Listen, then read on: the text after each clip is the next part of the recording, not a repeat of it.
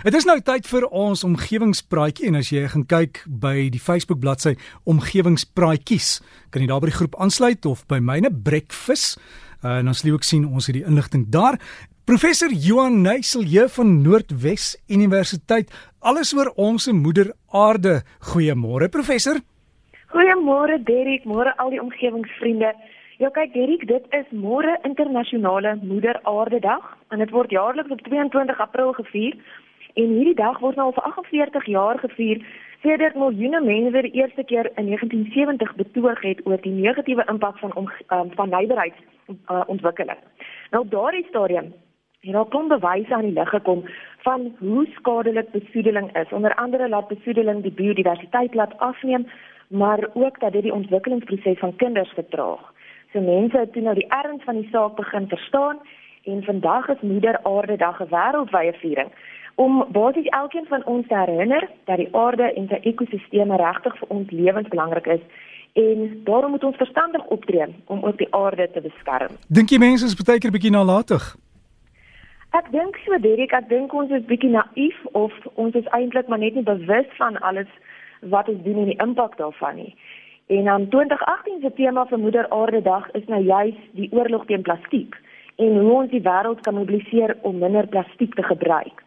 Want plastiek het gegaan van hierdie wondermateriaal wat in 1907 ontdek is tot 'n absolute nagmerrie vir die aarde.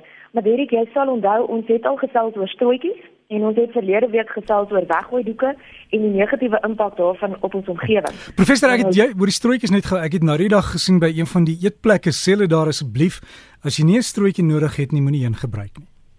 Ja, dit is vir ons goeie nuus, Derek, want strootjies en weggooi doeke, dis nou maar enkele voorbeelde van items wat bydra tot tot ons uh, plastiekbesoedeling. En dit is maar eintlik dat plastiek vir ons 'n basiese goedkoop geriefs item geword. En baie mense is onder die indruk dat hulle nie sonder daardie strooitjie of sonder plastiek kan klaarkom nie. En dit eintlik nogal ironies as ons dink ons leef in 'n tyd van hierdie enorme tegnologiese vooruitgang, maar ons koop steeds ons ontbytgraan in 'n verseelde plastieksak en ons koop ons tandepasta in 'n nie herwinbare buis. So die realiteit is en wat sleg is, is omtrent alles het 'n vorm van plastiek. En dit is regtig nog 'n uitdaging om in 'n winkel of 'n kruidenierswinkel in te loop en 'n item of 'n voedsel item te kry wat nie in 'n uh, plastiek verpakking voorkom nie. Maar ons het nou gister saam met die universiteit se se waternavorsingsgroep en die stad en streekbeplanning studente het ons bietjie die mooi rivier Reempotse stroom gaan skoonmaak. En in 'n kwessie van 40 minute het ons 40 volle sakke vol afval gehad. En die meeste van hierdie was enkel gebruik plastiek items. So dis nou basies plastiek items wat een keer gebruik word en dan weggegooi word, né? Nee? So dit is nou soos oorstokkies en strooitjies en weggooibare eetgerei en ook daardie plastiek doppies van sportdrankies of van kinderkoeldranke. Dit het ons nog baie gesien. En ons het ook polistireen bakkies gesien, tomatiesous sakkies en dan natuurlik baie lekker goed papiere. En wat eintlik nogal skokkend was, Ehm um, is as ons nou dink hierdie 40 sakke se vullis lê hier in ons omgewing waar dit die grond en ons water besoedel en dat die meeste van hierdie items goed is of plastiese verpakking is wat mense in die eerste plek eintlik nie nodig gehad het nie. So dan is dit geen wonder Suid-Afrika is die wêreld se 11de grootste oortreder as dit nou kom by plastiekbesoedeling nie. Maar daar's 'n bietjie goeie nuus. Uh die wetenskaplikes in Japan het 'n ensiem ontdek wat polyester, nou dit is die plastiek met die kode 1 dan die die ensimes kan hierdie plastiek na basies vinniger afbreek. Nou hierdie plastiek is tipies waarvan klein koeldrankbottels gemaak word en alhoewel dit een van die makliker afbreekbare plastiekforme is, sal hierdie navorsing dan nou hopelik in die toekoms verfyn word en beter word sodat ander forme van plastiek ook vinniger deur hierdie of soortgelyke ensimes afgebreek sal kan word. Maar um, die realiteit is dit gaan steeds baie lank neem om hierdie miljarde ton plastiek wat op die aarde is af te breek. So ons gaan elkeen ons deel moet doen in hierdie oorlog teen plastiek. En dan baie keer dink ons die een of die twee items wat ons self gebruik, gaan nie werklike verskil maak nie.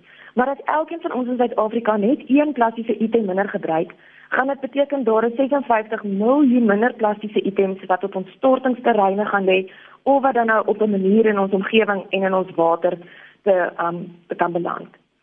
So wat ons kan doen, ons kan begin oplet na die produkte wat ons koop. So jy moet mooi kyk na die plastiek se identifikasiekode op die verpakking. Ek het dit ook nou net op ons Facebook bladsy gedeel. Maar ons het basies plastiek met 'n kode 3, 'n 6 of 'n 7. Um, dit is die tipe wat ons veral moet vermy.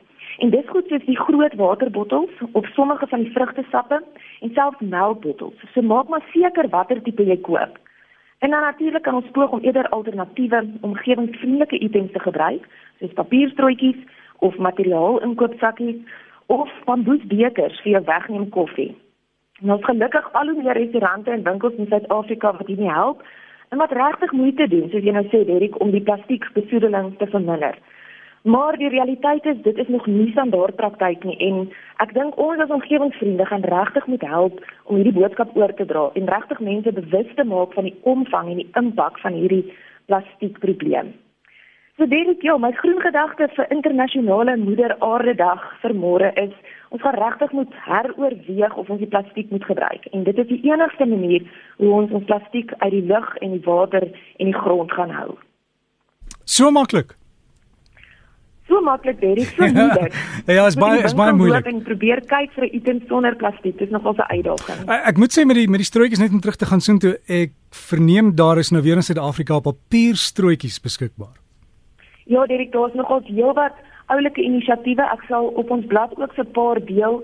Um klomp nuwe items verskyn ons koffiewinkel hier in Potchefstroom verkoop nou juist ook die bamboes koffiebekers vir daar's 'n hele paar oulike inisiatiewe om die omgewing te help teen die plastiekoorlog. Wow, so ons kan daai oorlog nooit wen nie. So wanneer jy ook weer 'n sak wil weggooi of iets, dink maar twee keer en ek sien ook baie van die supermarkte begin nou papier sakke gebruik. Ehm um, jy kan dit jy kan dit koop of kry maar van daai wat kan hergebruik. Net so, dit sal gawe en so kan elke ou se deel doen en kan ons stelselmatig vir ons aarde help in hierdie oorlog. Wel, goeiedag vir jou en ek het ook 'n boodskap hier. Miskien kan jy net opvolg. Iemand sê dat in China is hulle besig om plastiek te herwin. Hulle hulle het 'n 'n manier of proses wat hulle gebruik en hulle maak hulle brandstof daarvan. Hierdie ek glo dit is dalk ook dieselfde navorsing wat hierdie ensieme ontdek het. So hulle is nogal op die op die voorgrond wat dit aanbetref. So daar is hoop. Die wetenskap is ook besig om by te dra. Maar um, soos ons sê daar's miljarde ton plastiek. So ons gaan regtig almal ons deel moet doen terwyl die wetenskap ook hulle deel doen en saam gaan ons hierdie oorlog kan wen. Wel professor, alles van die weste en hou ons omgewing skoon en ons sal mooi kyk na moeder aarde vandag en môre hoor. Dankie Derrick, lekker dag vir julle. Selfde dankie en so gesels ons dan met professor Johan Heiselje van Noordwes Universiteit. Onthou die Facebook groep is omgewingspraatjies, die meervoud en hulle plas in die week ook inligting daar en as jy enige vrae het, jy kan dit daar plas en hulle sal dit raak sien. So dis omgewingspraatjies en dan is daar ook die e-pos, jy kan vir hulle inligting stuur is omgewingspraatjies by gmail.com. omgewingspraatjies by gmail.com